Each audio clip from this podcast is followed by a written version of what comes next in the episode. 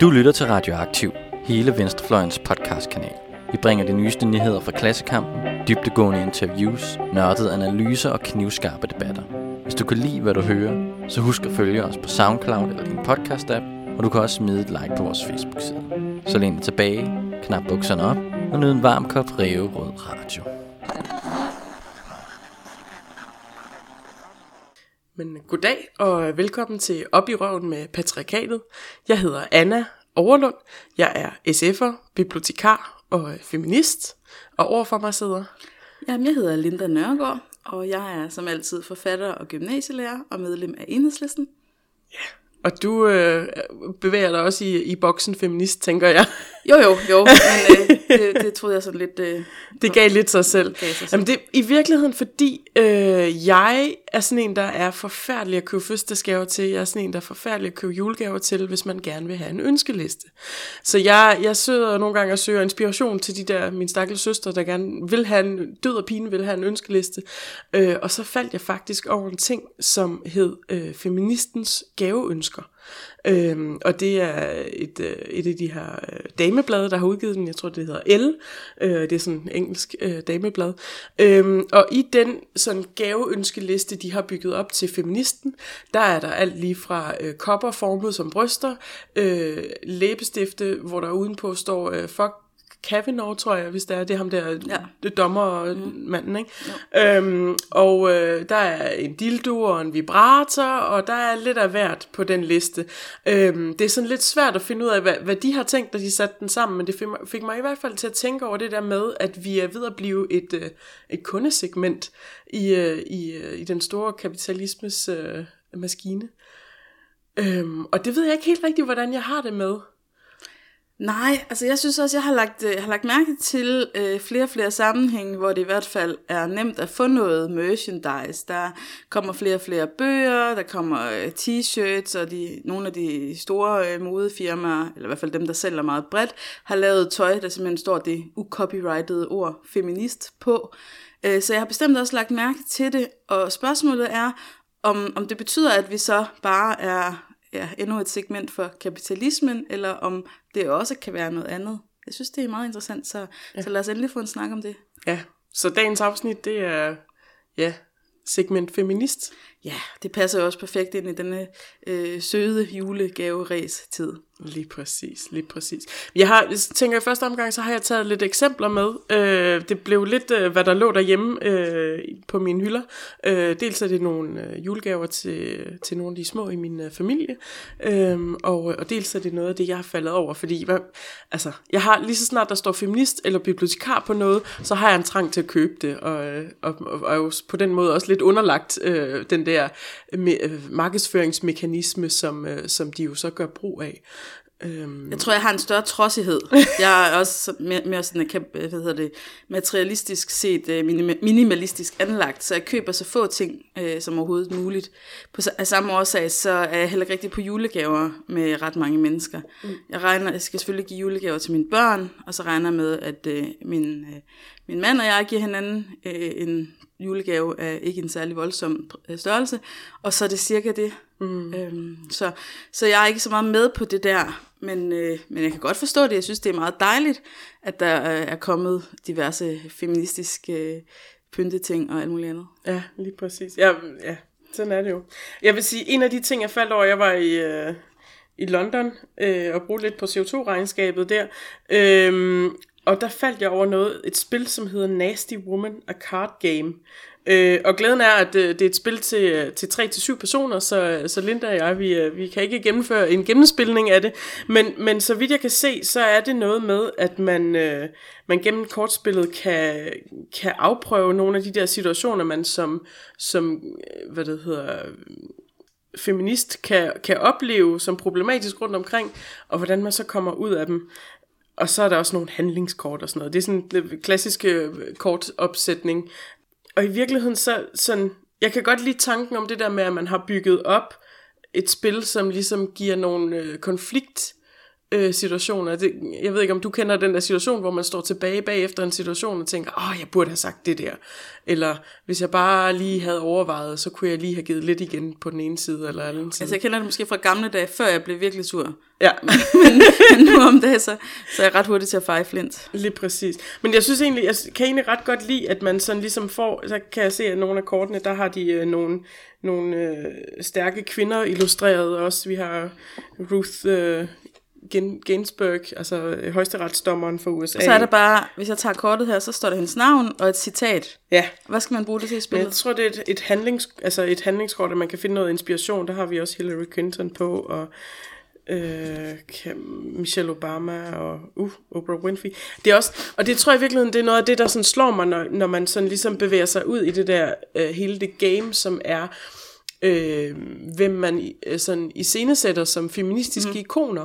Ja. Øh, fordi jeg synes, det er meget spændende, at man prøver, øh, der er sådan en, en, en, en kortspilsrække, øh, som også, altså bare sådan en almindelig kort, hvor man har lagt øh, feministiske ikoner ind, ligesom at, øh, måske en dårlig sammenligning, men ligesom at man i, øh, i Irakkrigen gav, gav soldaterne de her, øh, læg mærke til den og den mand fra, øh, fra Al-Qaida. Ja, okay. Øh, det er sådan den positive version, vi har med, med feminismen. Men der har man også besluttet at ophøje Kleopatra for eksempel til et mm. feministisk ikon.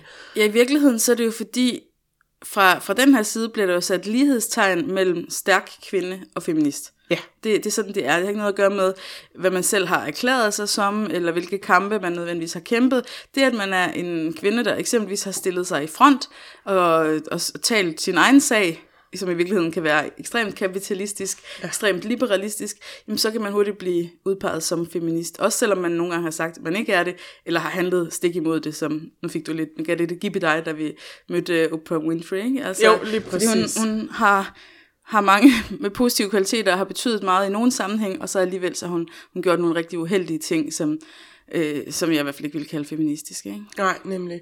Og det, jeg tror i virkeligheden, det er det, der sådan ligesom er også lidt af det, jeg sætter spørgsmålstegn ved, fordi det er jo vigtigt, at vi har stærke billeder, øh, som ikke kun er den, den stærke hvide mand, øh, der sidder på, øh, på parlamentsmagten, men at vi også har øh, andre billeder at give vores børn, øh, i, Ja. i forhold til, til, hvad de kan se som, som, som Men om det muligheder. betyder, at man er feminist.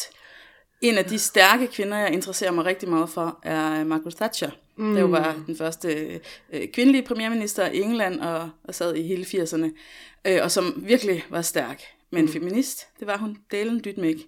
Nej. Øh, så, så for det er i hvert fald forkert at sige, at bare fordi man er en stærk kvinde, så er man nødvendigvis feminist. Ja.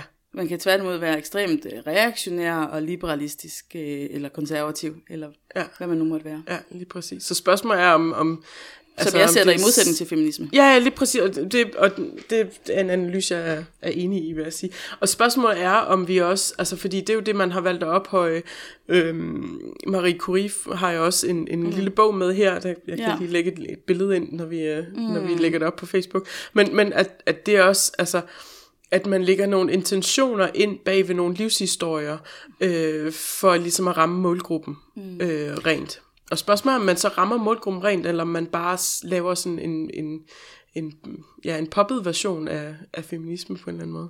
Ja, altså man kan sige, jeg kan rigtig godt lide det her med, at øh, mange er begyndt i det meget små og ja, nærmest øh, genskrive historien, så for eksempel kvindelige videnskabspersoner og, og andre får mere credit, for at sige det på moderne, mm. end de ellers har fået. Ikke? Fordi rigtig tit øh, har man jo set, at øh, en eller anden mand har stjålet resultaterne fra en eller anden kvinde, og så er det manden, som har fået øh, udgivet bøger og blevet berømt, og som vejnavne øh, indeholder hans navn og så videre i stedet for hendes. Ikke? Så jeg kan godt lide den lille bevægelse, der dog er i gang. Spørgsmålet er så, om, om det kommer over nogle gange og bliver udnyttet øh, mm. kapitalistisk. Fordi som udgangspunkt, så mener jeg, altså jo mere vi kan få feminisme til at, øh, at, at fylde noget, desto bedre må det på en eller anden måde være. Mm. Så er jeg sådan set lidt ligeglad med, om nogen tjener penge på det, i stedet for at tjene penge på sportstøj. Ja. Øhm, fordi, fordi så længe det, det, om ikke andet, nogenlunde positivt opbygger øh, det feministiske kompleks, Ja. så, så at vi lever jo i et kapitalistisk samfund, og, og, og det er jo altid, altså når man er antikapitalist, erklæret antikapitalist, så er det altid svært, i hvilket omfang man skal engagere sig i det nuværende samfund, øh, fordi man hellere vil have et andet samfund, mm. eller man skal prøve at, at, at tale imod alt, hvad der, der foregår i det kapitalistiske samfund. Ja, og jeg, altså jeg vil sige, jeg er også øhm, jeg er ret glad for de dele af tilbudene, skal vi kalde det det, til feministsegmentet, der er, som er mobiliserende. Jeg, ja. jeg er ret glad for kritisk pynt, for eksempel, som, som i en eller anden grad har, har lykkes med at blive øhm, samlende for mm. nogle mennesker. Altså hvis jeg ser en, en, et andet menneske med, mm. med noget kritisk pynt på, så ligger der nogle øh, politiske valg og nogle værdier i det, øh, sådan som jeg aflæser det. Man kan sige lige præcis, kritisk pynt er, jeg kender hende, der laver, mm. øh, laver det, hende har firmaet, hun, hun er kun sig selv, og hun er feminist. Så på den måde, så ved jeg jo, at det kommer fra et godt sted. Og, og problemet er, når vi kommer op øh, til bare lidt større firmaer, så er vi ikke helt sikre på, hvad firmaets interesse er. Altså hvis man laver et firma, vil man gerne tjene nogle penge, om ikke andet, så man ikke spilder sin tid. Men, men, men altså man kan sige, hvis, hvis, det hjælper jo at være sikker på afsenderen. Ja. Og det kan man kun være i det små. Øh, københavnske initiativer, så som Kritisk Pynt eller Koverkussen, har jeg været super glad for, fordi jeg ved, det kommer fra nogle feminister. Men hvis H&M eller andre firmaer laver en sweatshirt, der står feminist på, så ved jeg godt, at, øh, at det bestemt ikke er, fordi de, øh, de, de føler for det. Så er det fordi, de har ment, at der var en indtjening i det. Hvad er det, koverkussen er? Koverkussen, jamen det er en smykkesmed, guldsmed, øh, som jeg også kender, som, som laver smykker. Mm. Eller jeg er ikke sikker på, at firmaet kører så meget lige i øjeblikket, men, men det har for nogle år siden i hvert fald været kæmpestort, og så kunne man se, altså det kunne så tryk mm. øh, i sølv, guld, kover, øh, som, ja. som man ser rigtig mange her om halsen. Og jeg har det på samme måde, som hvis du ser nogen med kritisk pynt. Hvis jeg ser en med sådan en, øh, en kov og kusse, så ved jeg også, at det, kommer fra et, et godt sted. Ikke? Ja, lige præcis. Øh, så, og, og, og der er masser af andre ting. Øh, men når, problemet er måske med kapitalismen i det hele taget, at når noget bliver for stort, så begynder det at handle om noget andet, end hvad der formentlig var udgangspunktet. Ja. Og det kan simpelthen være ligegyldigt, om det er feministisk merchandise, eller slik, eller bøger, eller noget andet. Ja. Ja, så hvordan, altså det er jo det, er jo, det, er jo det der, det der balancen mellem, om, om vi er ved at lave en, skabe en bevægelse, og vi er ved at bekræfte den bevægelse internt, mm. eller om vi er ved at øh, kommercialisere det hele. Altså der har også været en del diskussion om, øh, når de her store popstjerner som Rihanna og Beyoncé, Beyoncé eller hvordan man øh, ja. Beyoncé. Beyoncé, lige præcis. Altså, når, når, når de går ud og, og siger, at de er feminister, og at, mm. at der er feministiske budskaber i deres, øh, hvad det hedder, um, i deres musik og deres kunst. Altså, spørgsmålet er, hvor, hvordan, øh, hvor, altså, kan man, kan man ikke også bare som som ganske almindelig popstjerne lige pludselig indse, at feminisme er det rigtige og flette det ind, eller er det stadigvæk jo, det kommercielt? kan man jo sagtens. Ja. Altså i forhold til, hvad, hvad jeg for eksempel synes, man skal bruge sine penge på, og hvad jeg selv vil bruge mine penge på, så kigger jeg bare stadigvæk på, på firmaet. Og det er uanset, om jeg skal købe et par sko eller en halskæde. Altså jeg kigger, hvem har lavet det her? Øh, og, og hvis jeg kan finde ud af det, hvem, hvordan er, har arbejdsprocessen været? Er der brugt øh, problematiske børnearbejde og gift og alt muligt andet i det? Og hvis jeg kan sådan nogenlunde kan udelukke det, jamen så, øh, så tænker jeg ikke så meget på, hvad der måske mentalt ligger bag. Øh, fordi så, så, hvis det kan gøre et eller andet for mig. Men man sender nogle signaler, fuldstændig ligesom øh, visse segmenter sender bestemte signaler ved at mm. gå med noget bestemt tøj, mærketøj, den store diskussion, der har kørt de sidste ja. rigtig mange år, så, så sender vi jo også nogle, man bliver forbundet med noget, når man viser et produkt frem. Ja, altså. og det er, jo, det er jo noget af det samme, som for eksempel Libras har gjort, øh, gjort brug af, eller Dove i, i sin tid også. Det er nogle af de første firmaer, hvor jeg kan huske, jeg har lagt mærke til, at man ligesom har forsøgt at ændre sin måde at fortælle om sit produkt, produkt på. Mm-hmm. Ikke? Altså Dove med, med de her reklamer, hvor de har kvinder i, Såkaldt alle størrelser. Ja, såkaldt alle størrelser, men i hvert fald øh, mere end en størrelse. Og mere end en hudfarve. Lige præcis. Øh, som, som en reklame for øh, deres, øh, hvad hedder det, body milk eller body lotion, eller hvad de nu kalder det i, i deres verden. Og at man i Libras, du har valgt at gå ind og, øh, og holde op med at lave, øh, hvad det hedder, reklamevideoer med, med blåt vand, oh, ja. øh, for at illustrere øh, menstruationsblod, ikke? Altså, og, og det er jo et skift, der i virkeligheden også sker, som hvis vi, vi ser det på det store plan, betyder, at vi i samfundet begynder at have en anden måde at arbejde med de her ting på. Mm. Men jeg tror også, altså nogle af de der ting kommer også af desperation. Mm. Altså jeg tror for eksempel i Bras, som laver sådan nogle bind af papir, øh, er presset, fordi folk begynder at vælge noget andet. Ja. Altså jeg tror, der er en, der er en kæmpe bevægelse, hvis vi snakker øh, såkaldt menstruationsbeskyttelse. Hvis vi, ja. Så en kæmpe bevægelse over mod den her menstruationskop, ja. stofbind og sådan nogle ting. Og i øvrigt øh, produkter, som ikke bruger blegemidler og, og tilsætter parfume og alt muligt andet. Så så samtidig med, at det kan være vældig positivt og virke positivt, og jeg vil også hellere have, at vores øh, teenagepiger bliver udsat for det der, end for det, noget andet, så, så er det alligevel sådan en eller anden kapitalistisk, kapitalistisk desperation. Mm, ja. Men det er også, altså jeg tror også, jeg ser... Øh, nu var jeg i Matas forleden og oplevede, at der rent faktisk var muligt at gå ned og kigge på hylden, og så købe en menstruationskop. Det ja. har ellers hidtil været noget, der har været sådan du ved, det har boet mellem mennesker, og man har anbefalet det, og det har, har været noget, man sådan skulle ind på, på nettet på en eller anden bestemt producent. Man har også kunne få det sådan helsebutik også. Har man det? Ja, ja okay. Men det kan være, det er kommet mere bredt det, ud. Det er kommet så bredt ud, at det, det er i Matas, så jeg tror faktisk, jeg måske vil tage en, en tur i Matas i, i øh, den del af provinsen, hvor jeg kommer fra, og se, om det også Nå. er dukket op der. Fordi det var jo inde på strøget, altså jeg, mm. jeg bevægede mig, og, og, øh, og det var da noget det, der fik mig til at tænke, det kunne måske godt være, at man nu sådan skulle, skulle lave det der opgøret, ikke? Og nu er det kommet altså meget bredt ud. Jeg har også set, øh, altså Sander Søndergaard, mm. øh, undskyld spoiler, var i Kender du typen, det er et stykke tid siden, så mm. jeg er gået fra, at man må spoile det nu, og havde jo en menstruationskop, og, og for første gang talte de om menstruation i Kender du typen, ikke? Ja. Og det er en del af den samme bevægelse, ja. for så vidt, ikke? Ja. Så der er helt sikkert noget feminisme, der er blevet mainstream og kapitaliseret på. Mm. Spørgsmålet er så bare, om det er bedre eller værre, end hvis det var usynligt. Ja, fordi det var nogle af de tanker, jeg begyndte at tænke, fordi at det er jo, altså, det er jo en anden form for kapitalisering, øh, hvad det hedder, Diva Cup, og hvad de nu ellers hedder, har, at den, den menstruationsforretning, det ligesom er, at, øh, mm.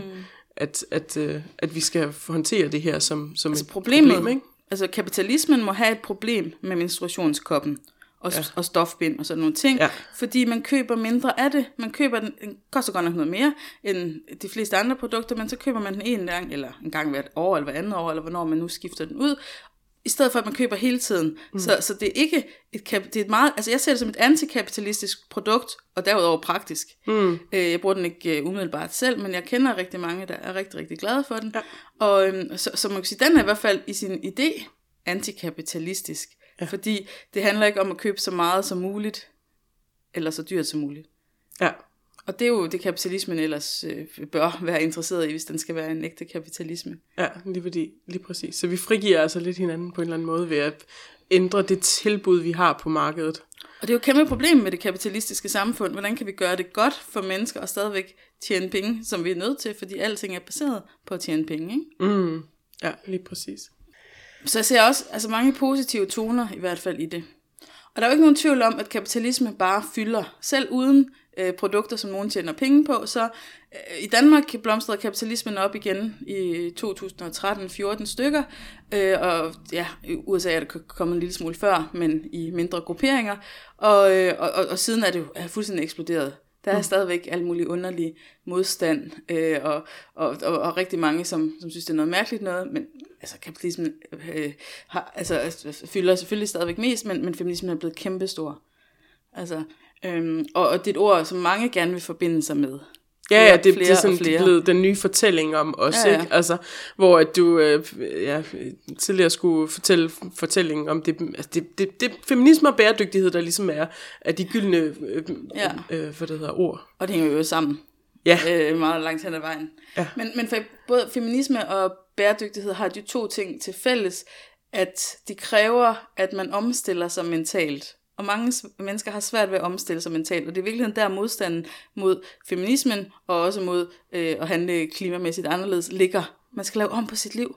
Ja. Hvis man har været øh, sådan helt almindelig øh, binær og træls hele livet, så pludselig skal til at, at tale anderledes, opføre sig anderledes, og pludselig må man ikke tage nogen på røven og alt muligt andet, jamen så skal man lave sit liv om. Ja, det er og det er meget, meget besværligt, og jeg tror faktisk, det er det største problem. Jeg tror ikke, der er ret mange, som rigtig mener, at, at øh, kvinder bare skal holdes nede, men det er jo meget praktisk, og der ligger en magt i det, som man ikke gider opgive, hvis man har den. Altså, og, og, altså, og det, det, det er ikke sådan noget, som fungerer på bevidste planer, men jeg er ret sikker på, at det er langt hen ad vejen, det der er på spil. Man gider ikke lave om. Man gider heller ikke lade være med at spise kød eller flyve flyvemaskinen, vel?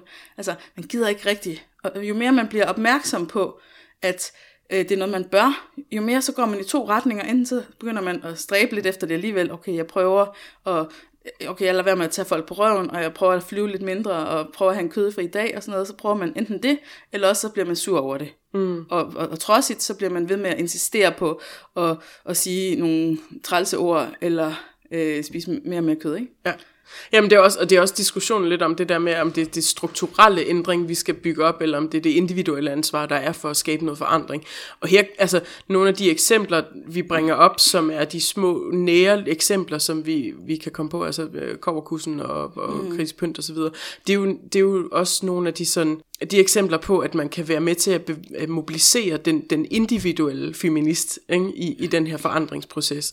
Men spørgsmålet er, altså, hvis du så kigger på de store, store, store tunge virksomheder, ikke, om, om, mm. om de stru, altså bare følger med, om der er... Altså, så længe, så længe vi har kapitalisme, så vil vi være styret af markedet. Mm. Og man kan sige, at vi mobiliserer og skaber nok dermed et marked, hvilket er grunden til, at vi kan tale om øh, feminister som et segment, og, og, men, men vi skal nok ikke for, foregøjle os, at vi er andet end et marked for de store firmaer. Mm. Til gengæld så er det da interessant at være med til at præge markedet. Ja, men det er også lidt sjovt, fordi jeg sådan, nu kommer jeg til at tænke på det der med, at, at hvis H&M eller CC eller hvem der nu ellers producerer tøj til os, øh, og som er store, store globale virksomheder i virkeligheden, altså hvis de har en trøje, hvor der står feminist på nede på gulvet, betyder det så noget for, for hvem der sidder i deres bestyrelseslokaler? Nej, det er jeg ret sikker på, at det ikke gør, ikke? Ja. Altså, fordi, fordi det skal jo laves om på større planer. Og jeg synes, at vi skal prøve at flyve mindre og spise mindre kød. Og jeg synes helt sikkert, at vi hver især skal lave om på vores sprog øh, som du og jeg også har været inde på adskillige gange. Men, men ansvaret er jo vores fælles, og det rykker først rigtigt, når det rykker på de store planer. Mm. Men hvis vi slet ingenting gør, hvis vi ingenting gør, så, så inspirerer vi heller ikke til, at vi får rykket på de strukturelle planer. Og derfor er det sådan en vekselvirkning. Det er virkelig hermeneutisk, ikke? Delen og helheden hele tiden. Så, så det nytter ikke noget, at vi siger, vi gør ingenting, fordi det må være øh, øh, ovenfra, det må komme, eller øh, det må være på det store plan. Det nytter på den anden side heller ikke, at der er nogen, der kan frelægge sig ansvaret på det store plan, fordi mm. nej, det må være øh, den, det enkelte menneske, som, som bare skal spise færre bøffer, ja. eller øh, lade være at tage folk på røven. Ja. Men jeg tror også, der er en styrke i, at vi hjælper hinanden på forskellige vis. Ikke? Altså, nu fandt jeg over øh, et opslag fra, øh, fra en feminist, der hedder øh, kærlig hilsen underlivet på Instagram. Okay. Øh, opslaget handlede netop om det der med, øh, om hvorvidt man øh, kalder, hvad det hedder, menstruation for menstruation, eller man kalder det sit lort, eller hvad man kalder mm. det. Ikke? Altså, der er vi tilbage til det der med det sproglige, men vi er også tilbage med den der mobiliseringskraft, som kan ligge i, at man, man husker hinanden på, hvordan det er, vi arbejder med det her.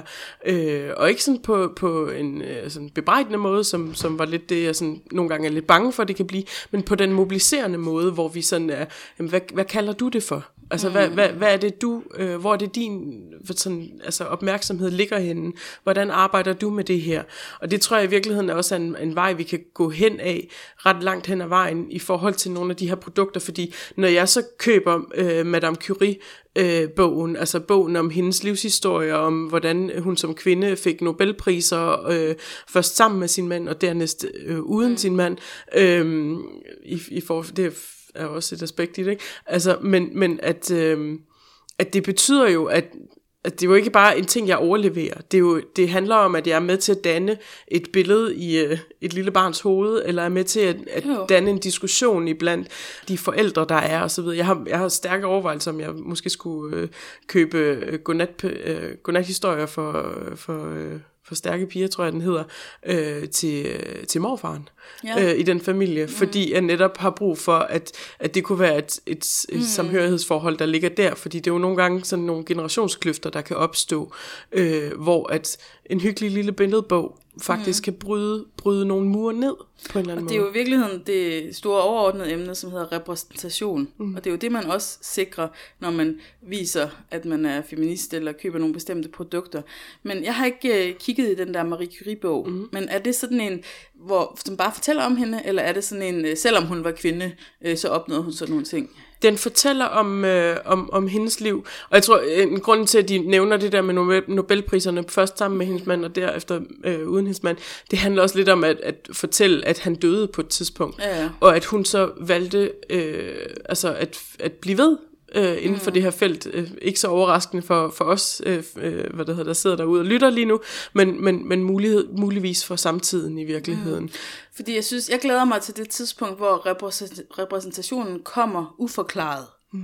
Altså hvor, hvor det ikke skal i tale sættes, at øh, det her det er spændende, fordi øh, Hillary måske bliver den første kvindelige præsident. Mm. Altså, lige nu er vi nødt til at snakke om det, fordi der stadigvæk er nogle nybrud, vi mangler. Vi, vi har aldrig haft en kvindelig præsident i, øh, øh, i USA. Jeg synes på sin vis, at det, selvom vi kan snakke om alle mulige andre politiske ting i den sammenhæng, så, så har vi jo haft en, en statsminister i Danmark, som var kvinde, og det har vi ligesom fået ud af verden. Så vil sige, næste gang der kommer en kvindelig statsminister, for selvfølgelig gør det det, så det er ikke det, det handler om. Så det er bare en statsminister. Og det er næsten det, det virkelige nybrud. Ja. Det er det virkelige breakthrough, ikke? Altså, at nu kan statsminister uden videre have alle mulige køn. Ja. Og det behøver vi egentlig ikke diskutere. Ja. Ja, og jeg, og jeg vil sige, at jeg er sådan en, der lægger mærke til øh, i amerikanske serier, når de rent faktisk har en, en, en, en kvindelig øh, præsident, som de ikke i talesætter som hende, øh, den kvindelige præsident, men hvor man bare omtaler en præsident, og så lige pludselig kommer ja. der en kvinde ind i rummet mm, og ja. er, er præsidenten. Og jeg vil sige, den første jeg, det er jo 15 år siden, da først, jeg første gang faldt over en, en, en tv-serie, hvor det var en, en kvindelig præsident, der var i fokus. Øhm, men hvor at den floppede jo fuldstændig, fordi det var jo ikke realistisk.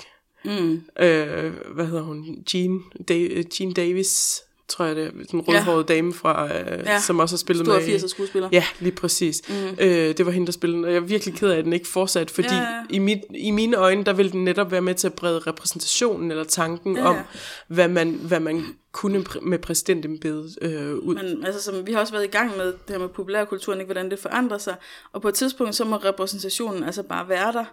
Øh, så er der bare øh, kvinder og tykke mennesker og transpersoner og alt muligt andet med, uden at, at der egentlig behøver at være en større fortælling om det. Så er det bare sådan, det er.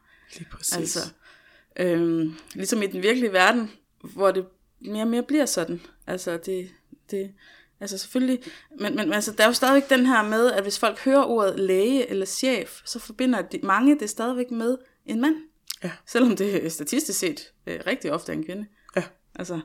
Ja, ja, og, det, og, og når man snakker om, om øh, jeg tror jeg på et tidspunkt faldt over en artikel, hvor der var nogen, der snakkede om øh, uddannelsessystemet, og om hvordan drengene tabte i hele uddannelsessystemet.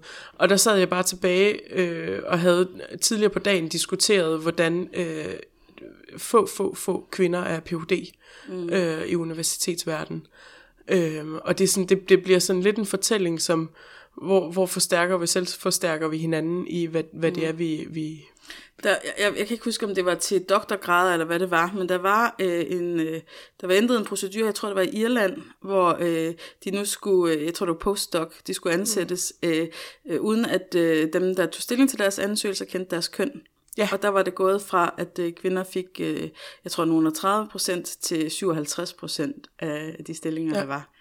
Det, der er også lige lavet en undersøgelse hos CBS, hvor man kiggede på, øh, hvad var det, de bad øh, nogle øh, forskere kigge på, altså sådan, du ved, så, som vil blive fagfælder øh, mm. i det her, den her forstand, kiggede på 12 forskellige, øh, hvad det hedder, ansøgere.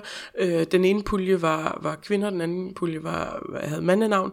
Øh, og, og, øh, og der, der, var det, der var en markant forskel på, om man indstillede øh, det, det CV, de var blevet præsenteret til, til at blive ansat som medforsker, øh, i forhold til hvilken øh, type navne, der, der stod på toppen af det. Ja. Så, så altså, der er reelt øh, nogle bias i vores måde at opfatte øh, folk på, som, øh, som vi skal se, om vi kan arbejde med på en eller anden måde. Ikke? Altså, og spørgsmålet er så, hvad, hvad, hvad redskabet i forhold til det er. Ikke?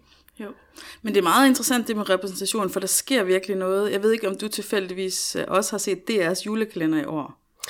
Øh, kun kort. Den er sådan meget kernefamilie normativ, men, men meget hyggelig, og, og man kan sige, sprogbrugen og, og typen af personer er, er, er bestemt nuanceret og, og, og fin. Og så er der jo øh, morfaren her, som, øh, som oh, kommer i koma, ja. og så kommer den mandlige sygeplejerske. Ikke? De når at joke sådan lidt med, når vi har ansat en sygeplejerske, og så tror de, at det er sådan en eller anden, der svanser rundt, eller hvordan det nu er, de formulerer det. Men så kommer Bjørn, som er sygeplejerske, og så er det sådan set bare sådan, det er. Bjørn er sygeplejersken, og han passer ja. øh, morfaren, og, og det, det tror jeg, der er puttet ind både fordi der har siddet nogen, der har lavet den julekalender, som har tænkt, øh, vi skal ikke leve op til folks forventninger om, at en sygeplejerske mm. har et bestemt køn, men også øh, fordi de, der må være et marked for det. Ja. Altså de må sidde og vurdere, øh, det her, det er det folket vil have. Det er det, der får dem til at se vores julekalender. Øh, fordi folk er trætte af klichéer, og det ja. tror jeg helt sikkert. Altså jeg kunne også, jeg også ville meget, være meget mindre tilbøjelig til at se sådan en julekalender med mine børn, hvis det sådan på det subtile niveau var mere klichépræget. Og den er ikke så klichépræget, heldigvis. Det er lidt sjovt, du siger det, for jeg har slet ikke, jeg har slet ikke bidt mærke i, det, at, at, mm. øh, at sygeplejersken var en mand.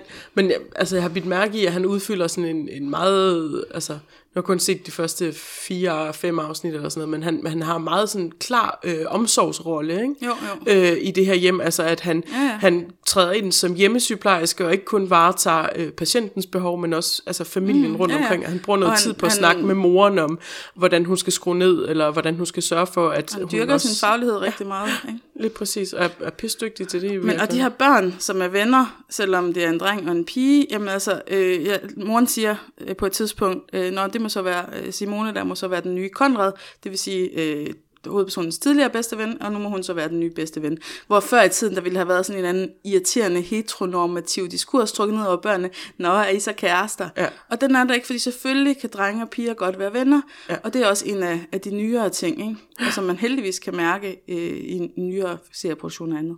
Og jeg tror, du har ret i, at det, at det er også et udtryk for, at der er marked for, marked for det, eller hvad man nu skal sige, altså at der er seere til det, mm. øh, i det her, hvad det hedder, store, ja. store Og det irriterer mig lidt, at jeg skal være begejstret over sådan nogle små ting, som bare burde være sådan.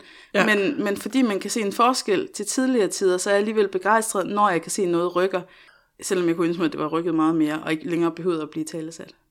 Så, så jo, jeg tror faktisk, at vi, øh, vi feminister og folk, som, som har sådan lidt mere progressiv indstilling, jeg tror bestemt, vi er et segment, og jeg tror også, at der bliver produceret ting for at sælge det til os, ligesom øh, eksempelvis øh, bøsser blev et segment for en 10-15 år siden. Ikke? Mm. Der opdagede de, okay, der findes altså nogle øh, voksne mennesker, som har masser af penge, og som ikke bruger dem på deres børn. Så, Ja. så, altså, så selvfølgelig er der nogen, der lukrerer på det, men det, at man bliver taget i betragtning, og det, at man spiller en rolle og faktisk er en magtfaktor, øh, betyder noget. Så hvis hvis vi kan være en markedsmæssig magtfaktor inden for kapitalismen, så kan det vel potentielt rykke os væk fra kapitalismen i sin egen, øh, øh på sin egen paradoxale måde. Mm-hmm. Så hvad siger vi, øh, op i røven med kapitalismen, eller... øh, Ja, op i røven med kapitalismen, men vi øh, afvikler den jo ikke på, på én dag, så, så også op i røven med alle de gamle øh, klichéer og, og vrangforestillinger. Og hvis vi så skal bruge kapitalismen en gang imellem som et middel, så, så kunne det da være værre. Ja. Så hvad? Vi bruger kapitalismen til at sige op i røven med patriarkatet i virkeligheden. Ja, et stykke hen ad vejen. Men, men vi vil hellere gøre det uden kapitalismen. Det ville være det fedeste. Så Ja, men det tror jeg egentlig var, var ordene her fra den her gang. Ja, ja, tak for, så tak for, tak for det og tak for i år, Ja, det var dejligt. Vi ses en gang i, øh, i januar, når vi... 2019. Ja, det er lige om hjørnet.